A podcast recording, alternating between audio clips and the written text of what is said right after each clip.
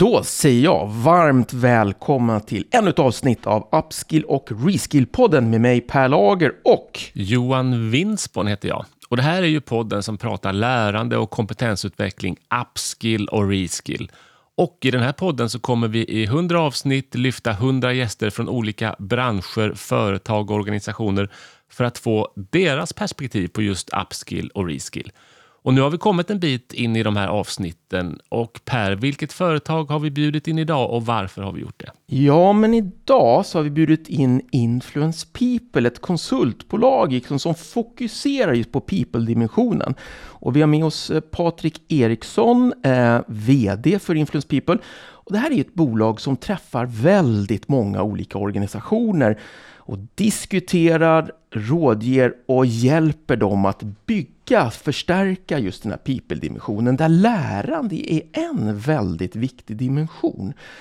Och jag är så nyfiken på att höra med Patrik vad han ser för trender där ute eftersom en av de största och viktigaste målgrupperna för influens är ju kombinationen HR-chef eller motsvarande och VD eller GD eller någonting där. Och det där är jag så sugen på att lära mig lite mer om. Vad är det för trender där ute? Och inte minst, vad ser vi för riktigt vassa case som Influence People har jobbat med? Så det här, det här blir ett spännande avsnitt.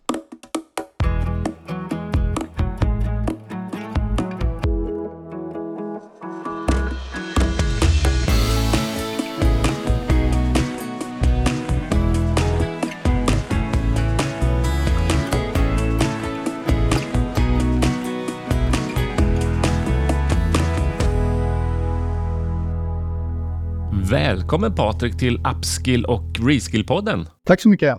Influence People, vilket fantastiskt bra namn på ett företag. Vi tycker det också faktiskt. Det är verkligen bra. Nu berättar ju eh, Per här lite grann om vad ni gör, men skulle du kunna berätta lite grann om din bakgrund och vad ni faktiskt gör ännu mer på djupet innan vi drar igång med case och allt det andra? Ja, men om jag börjar med min bakgrund då. Jag, jag har en bakgrund som eh, konsult i hela mitt vuxna liv och eh, ishockeyspelare halva mitt vuxna liv kan man säga. Eh, och sen så är jag beteendevetare också utöver det. Och de där tre delarna tycker jag har varit en viktig del för mig och eh, väldigt spännande inspiration på olika sätt. Så. Influence People då, vi pratade lite grann om det, men liksom, jag skulle säga att Influence People jobbar ju med people-dimensionen i organisationer.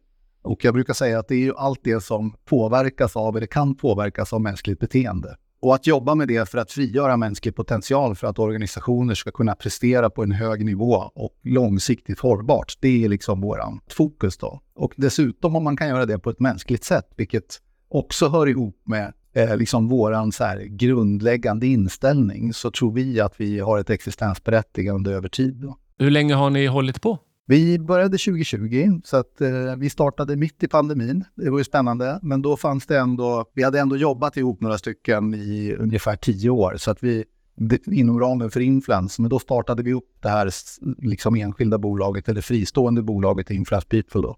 Så att ja, vi är inne på ett fjärde år. Ja. Hur många är ni idag? Vi är 45 konsulter idag eh, och vi växer fortfarande och har växt ganska kraftigt liksom de senaste åren då. Varför har ni vuxit så snabbt? Vad är bakgrunden? Ja, nej men eh, jag tror vi har dels haft en ambition att växa. Vi har sagt att vi vill bli en, en eh, stor eh, aktör inom det här området så att vi ska egentligen kunna hjälpa större svenska och nordiska organisationer med hela spannet av people-dimensionen. Då. Och då tror vi att vi behöver vara ganska många för att orka liksom driva flera parallella stora uppdrag. Vi har också sagt att vi vill vara en, en tydlig aktör Eh, och konkurrera kanske med de globala managementkonsultbolagens people and organizations-delar då på den svenska marknaden. Och det är väl också ett skäl till att vi behöver ha en viss storlek och förstås eh, jobba med att ha samma kvalitet i de sakerna vi gör. Men vad är det för efterfrågan då som eh, ligger bakom den här tillväxten? Jag, jag tror eh, och vi ser en, en liksom ständigt ökande efterfrågan och jag skulle vilja säga att jag har sett den de senaste 20 åren. Jag, i, bör, i, I slutet på 90-talet faktiskt, när jag började som konsult inom det här området, så var jag ganska ensam. Och, eh, många av eh, kollegorna i branschen, framförallt de som hade mer av en managementkonsult bakgrund kalla oss för manchesterkavajer. Så här. Men, eh, och apelsinrullare var också ett begrepp som dök upp. Jag ska inte gå in på det så mycket. Men, men det är liksom, man tyckte det var konstiga, flummiga frågor. Så. Eh, jag upplever att den där eh, diskussionen ser annorlunda ut idag och det är mycket mera eh, vanligt att man pratar om den här typen av frågor. Framförallt liksom att förändra kultur på riktigt. så. Så jag, jag ser att det finns en ökande liksom, eh, efterfrågan av den här typen av frågor. Det finns ett ökande intresse och en ökad förståelse också. Så att jag skulle säga att det handlar väldigt mycket om hur får vi eh, våra organisationer att klara av att realisera och exekvera på våra strategier? Liksom? Och hur kan vi göra det på ett effektivt sätt? Så att du, stort tack för det där. Du stillade lite min nyfikenhet där. Men nu är det dags för korta frågor. Eh, kan bli korta svar, men man vet aldrig vad som händer. Ja, min första fråga är så här. Vad är den, eh, vad är den största lärdomen eh, du har tagit med dig från dina, dina år som hockeyspelare? Den här eh, känslan utav eh, reellt commitment då, det är nog det bästa ordet jag kommer på för det. Eh, där vi verkligen gör det vi ska tillsammans och vi vet att vi kan lita på varann för att det krävs för att man ska, jag skulle säga överleva, men riktigt så illa var det inte, men nästan så. Eh, den känslan är någonting som jag bär med mig från, från ishockeyn och lagidrotten som jag försöker överföra till till näringslivet liksom, och även offentliga organisationer. Men det är väldigt svårt. Men det skulle jag säga, det är en av de viktigaste sakerna där. Och i det också så ligger det som jag, eller på idrottsspråk eller hockeyspråk man kallar för spel, spelförståelse och spelskicklighet. Att kunna läsa av vad som händer för att kunna kompensera med sitt beteende för att skapa ett så bra resultat som möjligt. Då. De två grejerna tycker jag är en väldigt viktig och unik kanske sak för lagidrott då, som jag verkligen har med mig och försöker översätta till andra verksamheter. Eh, nästa kortfråga då eh, kan bli kanske svår att svara kort på, men det är vilka är de tre främsta trenderna du ser hos HR-chefer eh, idag? Ehm, jag skulle säga att jag ser ehm, alltså People Analytics datadrivet. Jag ser att jobbet med att hela tiden vara affärsnära och vara viktig för affären eh, pågår. Jag ska inte säga att man har lyckats med det, men, men det finns där. Och eh, kämpandet med eh, liksom egentligen det kontinuerliga lärandet skulle jag säga är kanske den tredje trenden som jag ser. Man pratar mycket om det, man förstår att det behövs, men man har lite svårt att få till det. Hörru, det där tror jag både jag och Johan skriver under på. Det kommer vi gräva lite mer i senare i podden. Och en sista liten fråga. Är det någon stor skillnad i behov och synen på både people och kanske i allmänhet och kanske lite mer specifikt lärande mellan offentliga och privata organisationer? Nej, jag tycker nog inte det. Jag, jag tycker att det finns förstås eh, alltid en, eh, en affärsmässig prioritering eh, i privata organisationer liksom, och vinstdrivande organisationer som ibland kan se lite annorlunda ut. Eh, men jag tycker ändå att eh, det finns ett fokus på det i alla de organisationer som vi möter. Så att jag tycker inte att skillnaden är så stor som vi ibland liksom försöker få den att vara. Patrik, eh, det här var kortfrågorna. Jag måste säga så här, det var ju ganska tuffa korta frågor du fick och du fick, det var exemplariska korta svar. Vad säger Johan? Jo, det var, det var en tuff uppstart, men jag tycker Patrik klarade det med bravur. Vi hänger kvar lite i det här med, med lärande och eh, podden heter ju Upskill och Reskill. Jag tänker utifrån det som ni jobbar med och det som ni träffar i så många olika organisationer. Hur skulle du vilja, eller ni vilja definiera just upskill och reskill? Vad är det för er? jag, jag skulle vilja säga att um, förmågan för organisationen att säkerställa att medarbetare har rätt Eh, kompetens då, att utföra det som man ska utföra. Eller egentligen då säkerställa att man kan exekvera på strategin, väljer jag att säga då. Det är ju liksom kärnan i det. Och att både då utveckla personer så att man klarar av att ha den förmågan och ändra kompetens hos, hos medarbetare så att man kan få den förmågan. är ju de två delarna i det skulle jag vilja säga. Då. Och du nämnde ju här innan, du, du sa förändra kultur på riktigt. Hur, gör man då, hur skapar man då en hållbar prestation i en organisation? Finns det några framgångsfaktorer eller några knep som du har samlat på dig?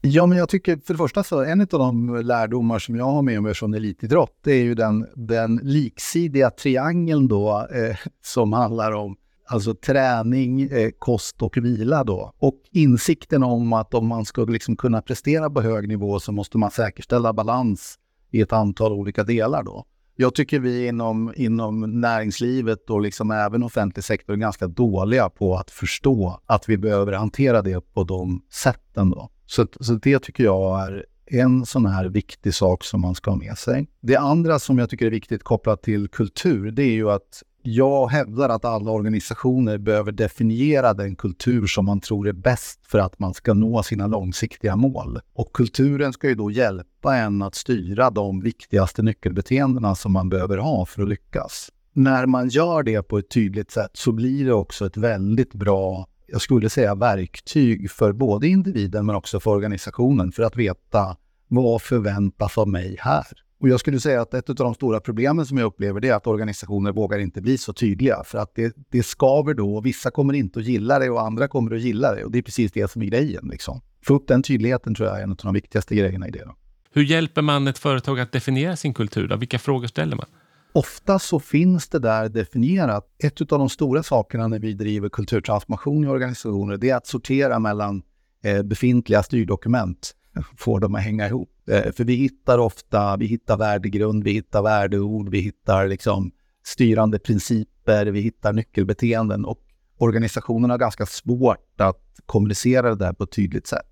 Så en av de viktigaste sakerna är att faktiskt säkerställa att man förstår hur det där hänger ihop och sortera bort det som är irrelevant.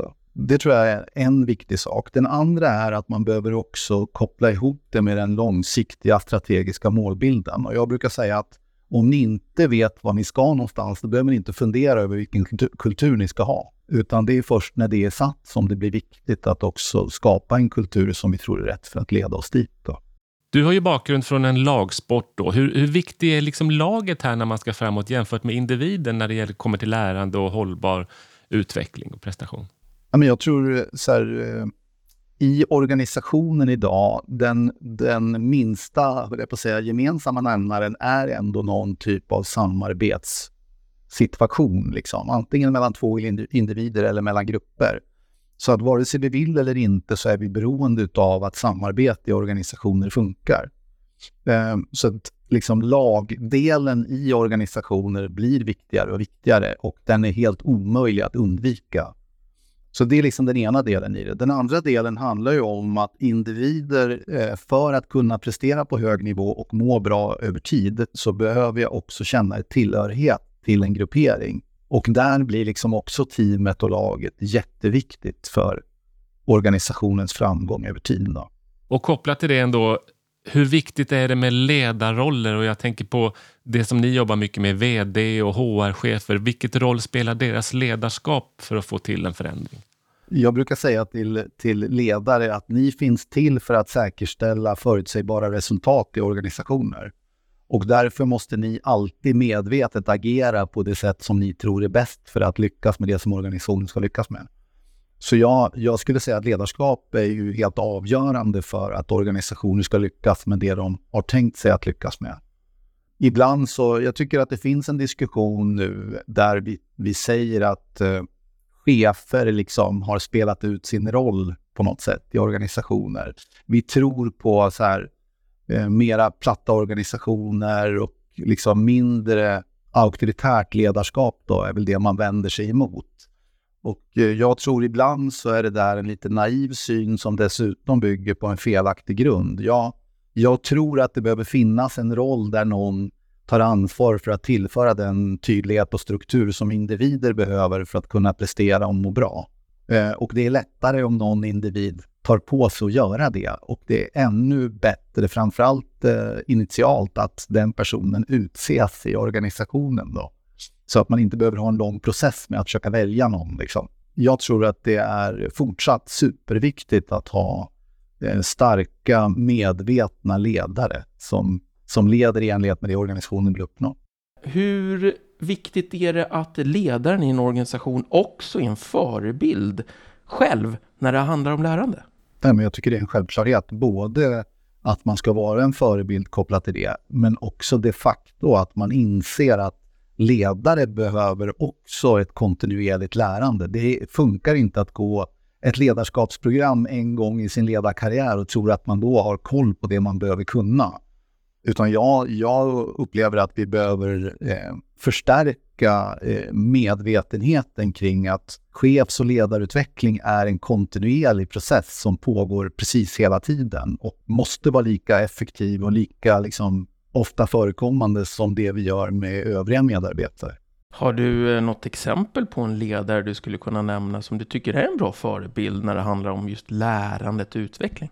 Det är en bra... Jag, jag skulle säga att jag har några av mina ledarkollegor i Influence People som jag tycker är otroligt duktiga på att hela tiden eh, fundera över så här, nya sätt att göra saker på, fundera över hur man liksom kan bredda sin egen kompetens, vara nyfiken på att göra saker, både i termer av att förvärva det via att läsa på eller läsa böcker eller gå utbildningar, men framför allt att försöka förstå nya områden som är viktiga för det som de faktiskt gör då, i vardagen. Och jag, jag har några sådana som jag tycker är helt fantastiska kopplat till det. Och hur gör du själv? Ja, men jag försöker också kämpa med det liksom verkligen och försöker ändå både så här schemalägga det, mycket faktiskt inspirerat av din bok. Jag, jag visade ju det Per, boken hur den såg ut efter att jag hade läst den och det var att jag tror faktiskt, om jag, jag överdriver inte om jag säger att det är någonstans 70 post-it-lappar som sitter inslängda i den boken utifrån så här, det här måste jag komma ihåg, det här måste jag läsa, det här måste jag tänka på. Och utifrån det så har jag också själv försökt att systematisera lärande på ett tydligare sätt än vad jag gjort förut. Då. Jag tycker det är svårt, men, men jag försöker verkligen. Ja, och hur, gör man det rent konkret i vardagen då? När man har de här 70 lapparna som man tänker att det här ska jag tänka på hela tiden och sen så kommer liksom vardagen emellan och det är saker att jag har, jag har valt att liksom boka av vissa tider varje vecka där jag liksom fokuserar på de sakerna jag behöver liksom lära mig och jobba med.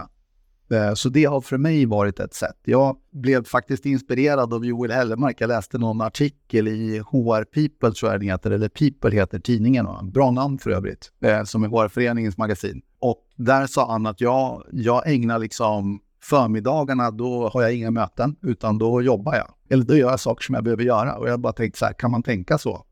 Eh, och det kan man ju. Eh, och därför har jag försökt boka av tid där jag liksom fokuserar på det jag behöver lära mig och det jag behöver göra. Eh, så det har väl varit, varit ett sätt då. Per, det är väl ett konkret tips direkt hämtat från din bok också. Sätt av tid för att faktiskt lära. Men Per, det här är ju en fantastiskt intressant diskussion om lärande och influence people. Ska vi grotta ner i några konkreta case? Vi är ju podden med case också. Vi har redan varit inne på flera case-exempel som konkretiserar det här med, med lärande, upskill och reskill. Ska vi, gå, ska vi gå ännu djupare, Patrik? Vi har ju vi har bett dig tänka på några case. Och en del case kan du berätta vilka vilka de är och andra case eh, med kunder har du lite svårare att berätta exakt vilken organisation det är men kan ändå dra lärdomar av de casen. Så vad vill du börja med för att lyfta fram för något case? Jag kan, jag kan lyfta ett som jag tycker ändå var ett tidigt eh, eh, case i våran värld och också väldigt så här innovativt totalt sett. Och det var ju, vi var en av aktörerna som jobbade tillsammans med Systembolaget då, eh, i, vi började 2008 med vårt uppdrag. Och det handlade ju om att leda lärande, hette då uppdraget. Då. Egentligen så hade man då formulerat ett nytt uppdrag för chefer på Systembolaget. Eh, man skulle förutom att vara bra på våta kompetenser som var det som alla kunde, det vill säga smak och sensorik, var man ju otroligt skicklig på, så skulle man dessutom då bli, bli duktig på torra kompetenser. Och ett av de viktigaste delarna i det, det var att chefer skulle ta ansvar för att systematiskt driva utveckling av medarbetare. Och utifrån det så skapar man då ett, ett, system för hur det skulle gå till, både kopplat till roller och kompetenser, men också en process för hur lärandet skulle kunna ske. Då där man gjorde en, en, utvärdering av alla medarbetare varje år och utifrån liksom de behov som man såg så fanns det då läraktiviteter kopplade till de olika kompetenserna som man då behövde bygga på kan man säga. Det där var ett superambitiöst projekt. Eh, Vår roll var att driva förändringen gentemot de 500 cheferna så att de i ökad utsträckning börjar, eh, ville, ville börja göra det kan man säga. Så det sysslade vi med eh, och det blev ju väldigt framgångsrikt. Jag tror man blev årets kompetensföretag 2010 och blev sen årets serviceföretag 2012 om jag kommer ihåg rätt. Ehm, och sen har det där arbetet fortsatt liksom och förädlats över tid. Då. Men, men det kan man väl säga, det var ju ett, ett otroligt eh, spännande uppdrag, otroligt framgångsrikt över tid. Det goda kundmötet som ändå var det centrala i det man ville åstadkomma, det har ju verkligen bevisat sig eh, gång på gång sådär. Eh, där man verkligen, när man kommer in på Systembolaget, verkligen möts av ett intresse för kunden, en extrem kunskap, många olika sätt att säkerställa det goda kundmötet på. Ett Bra exempel. Ehm, jag tänker Systembolaget och Skatteverket, det är ju så två stycken eh, offentliga eh, organisationer som eh, har fått väldigt mycket uppmärksamhet och jag vet får väldigt mycket besök från eh, börsnoterade bolag just för att de har kommit så långt i både arbetet med strategi och lärande och annat. Men jag tänkte, det här projektet då som startade 2008 och, och, som blev väldigt bra, både kanske objektivt och med pris. Men vad var framgångsfaktorerna där? Vad var det man gjorde som fick det där att verkligen lyfta? För många organisationer har ju försökt. Ja, jag, jag tror eh, dels så var det ett väldigt ambitiöst liksom, upplägg. Eh, det var också ett väldigt systematiskt tillvägagångssätt. Eh, jag skulle vilja säga att man också jobbade liksom med att säkerställa att det verkligen hände genom att jobba med liksom att driva förändringen på ett, ett, jag skulle säga integrerat sätt, brukar jag säga, där man både förstår verksamhetsfrågan och beteendeförändringen och jobbar med det parallellt. Man var också väldigt uthållig och byggde vidare på hela det konceptet under flera år. Jag, jag tror till och med att det fortsatt är så att man bygger och förädlar det man redan har eh, långsiktigt. Då. Så jag skulle säga att kontinuitet och uthållighet är, förutom liksom det ambitiösa upplägget, är väl de komponenter som jag tror var framgångsfaktorer verkligen. Och hur var det med ledarskapet under den här tiden? Hur viktig var VD? Nej, men jag tror att det är liksom som vanligt helt avgörande i att både sätta scenen för själva anslaget, tala om hur viktigt det var och dessutom kontinuerligt vara nära, intresserad och faktiskt pådrivande i att det verkligen hände. Då. Så jag, jag skulle säga att det var ju väldigt, väldigt viktigt. så. Och eh, har du själv tagit med dig några lärdomar från just det där projektet som eh, du har spunnit vidare på andra sammanhang? Ja, men jag tycker en, en jättespännande sak som skedde precis i slutet av att vi var involverade, verkligen inte drivet av oss, men det man gjorde då det var att man experimenterade eh, med ett antal butiker där man fick själv bestämma sig för eh, hur ska vi säkerställa det goda kundmötet? Och då fick man testa en massa olika sätt att göra det på. Eh, I Hammarby Sjöstad där jag håller till då, där fanns det ju en butikschef som numera har slutat då, men han, han var skåning och när man kom in där så, så brukar han ibland stå och sjunga precis innanför dörren. Liksom.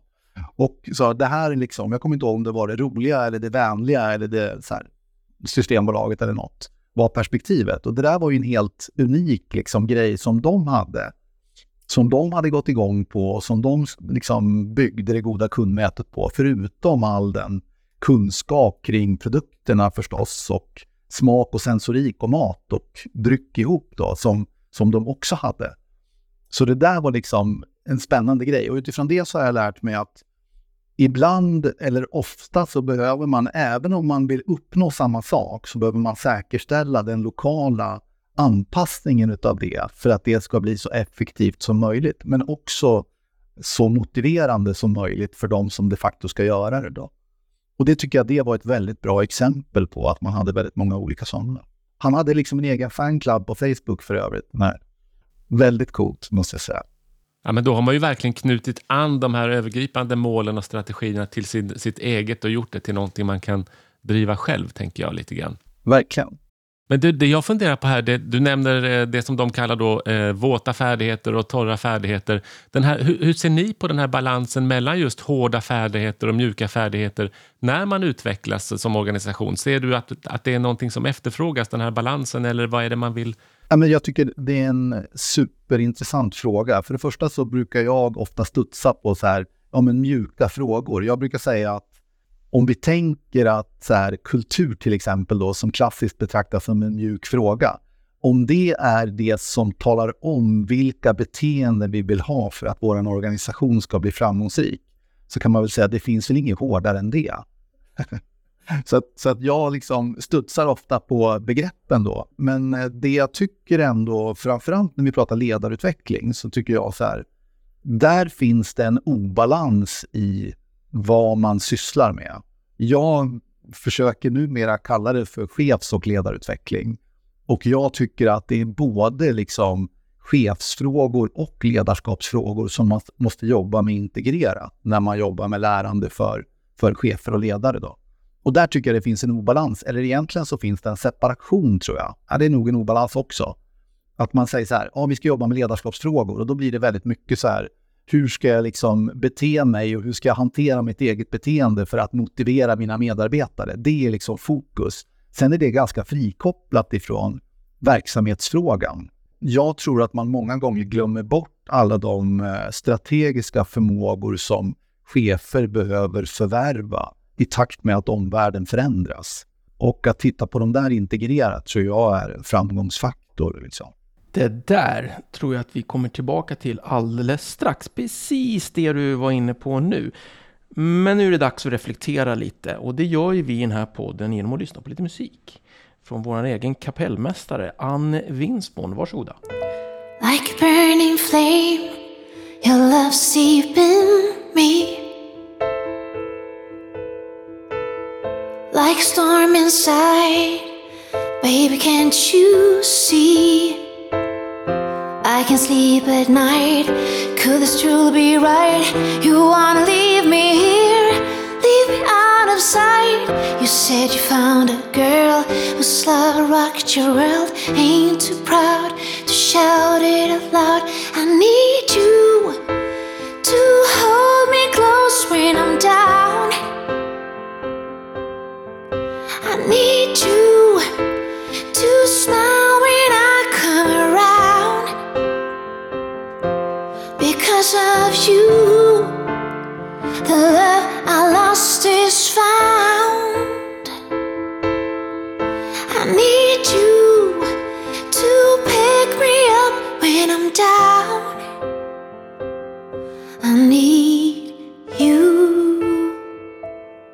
Och nu har vi hunnit reflektera lite över Patriks första case om Systembolaget, det goda kundmötet och fantastiskt bra inspirerande hur man åstadkommer förändring, kompetensutveckling i ett bolag. Men Patrik, du har ett till case som, som knyter an lite till det sista vi hörde innan pausen som vi också är jättenyfikna på. Vad är det för något? Ja, men det är ett, ett case som vi precis är i slutfasen av att avsluta just nu.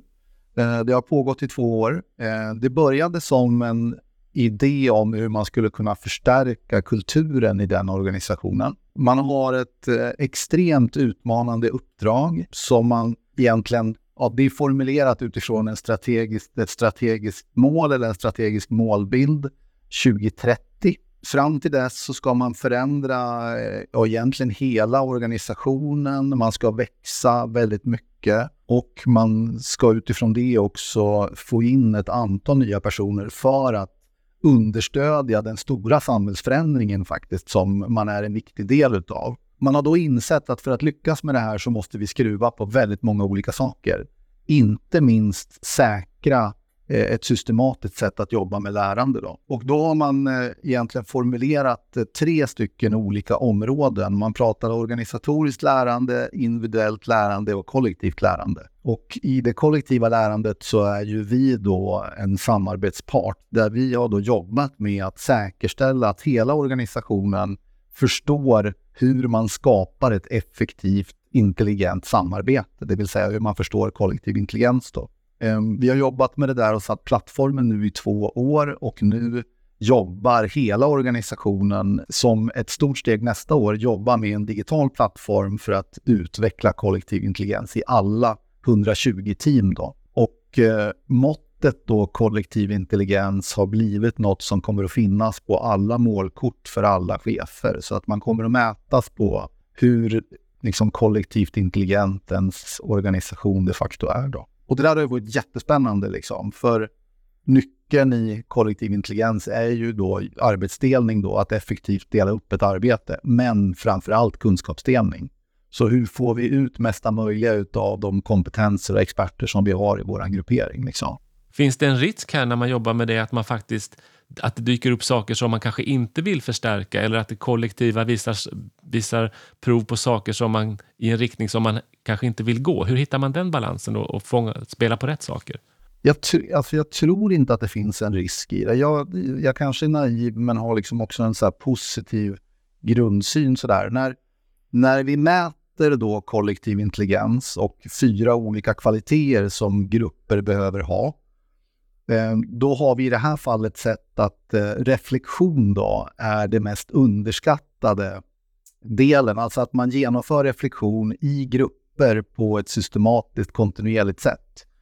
Det är den, den mest underskattade av de här fyra förmågorna. Då.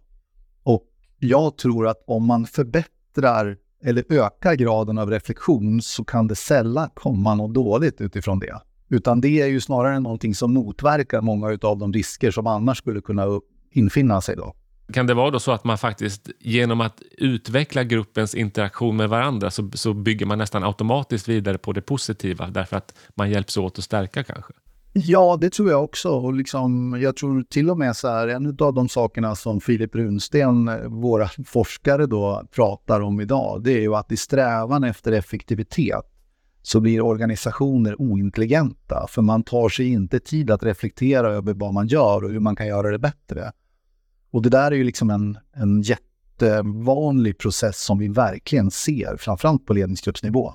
Och då blir man lite nyfiken på, eh, jag, jag, tror, även om jag inte spelat hockey själv, att eh, där är man ganska duktig på reflektion. Vad var det som gick bra eh, från den här matchen? Vad tar vi med oss? Vad behöver vi utveckla och skruva på? Lite sånt där. Får rätta om jag har fel där. Men jag jobbar också på Försvarshögskolan eh, och i Försvarsmakten. Och där, där, det är en organisation som är väldigt duktiga på det här. Man har ju metoder för strukturerad reflektion i vardagen. Efter genomförande, efter uppdrag och sådär. Men du, har du några exempel på metoder som är som är effektfulla eh, när det handlar om reflektion.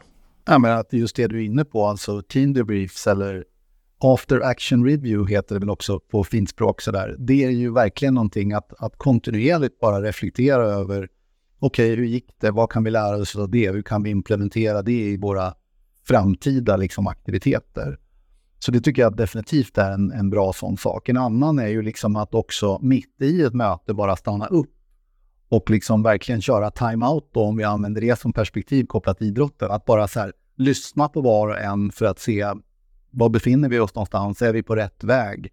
Är det någonting vi behöver addera?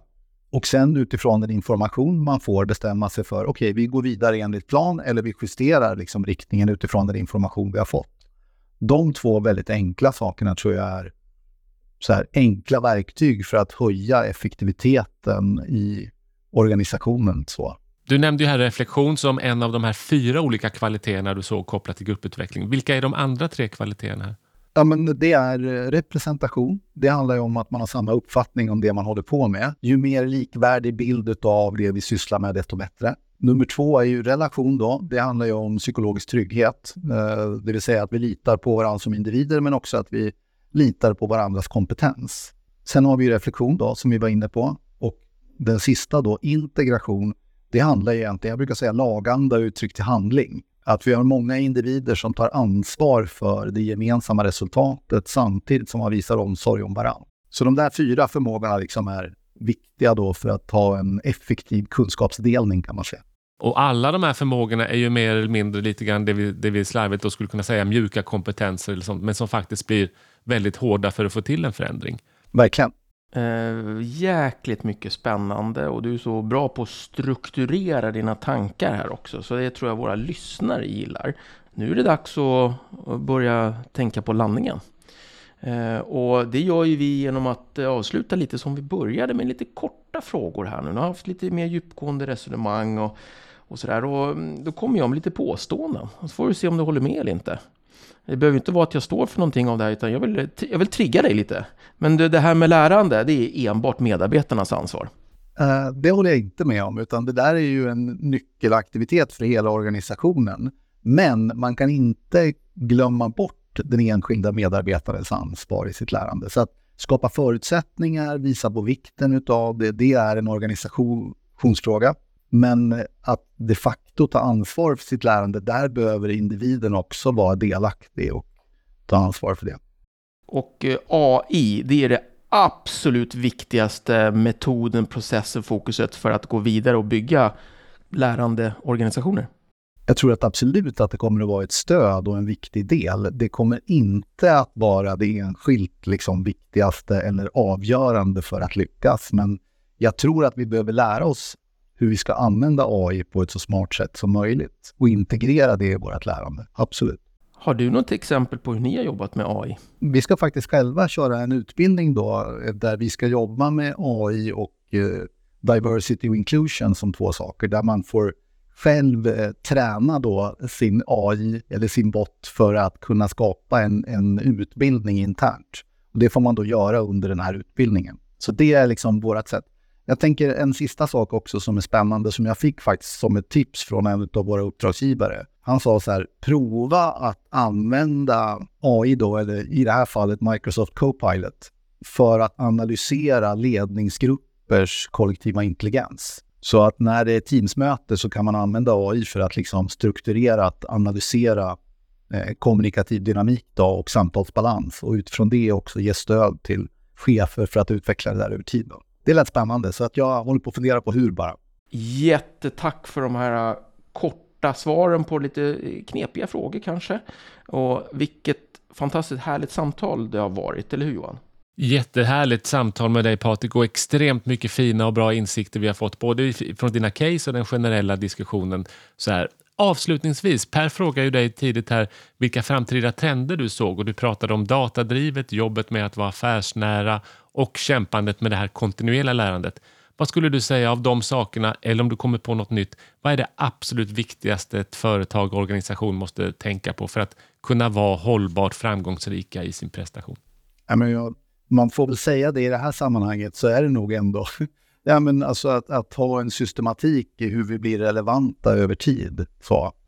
Ehm, och sen kan det innehålla många olika saker, men jag tror lärandet är liksom eh, av avgörande vikt i det. Och att ha individer som hela tiden vill lära sig nya saker och utforska nya saker kommer att vara avgörande för organisationer också. Så jag, jag tror ändå att det är en av de absolut viktigaste delarna. Då. Och det var ett par fantastiskt fina slutord. Det känns onödigt att gräva vidare där. Patrik, stort tack för att du var med och pratade upskill och reskill med oss här idag. Tack för att jag fick komma.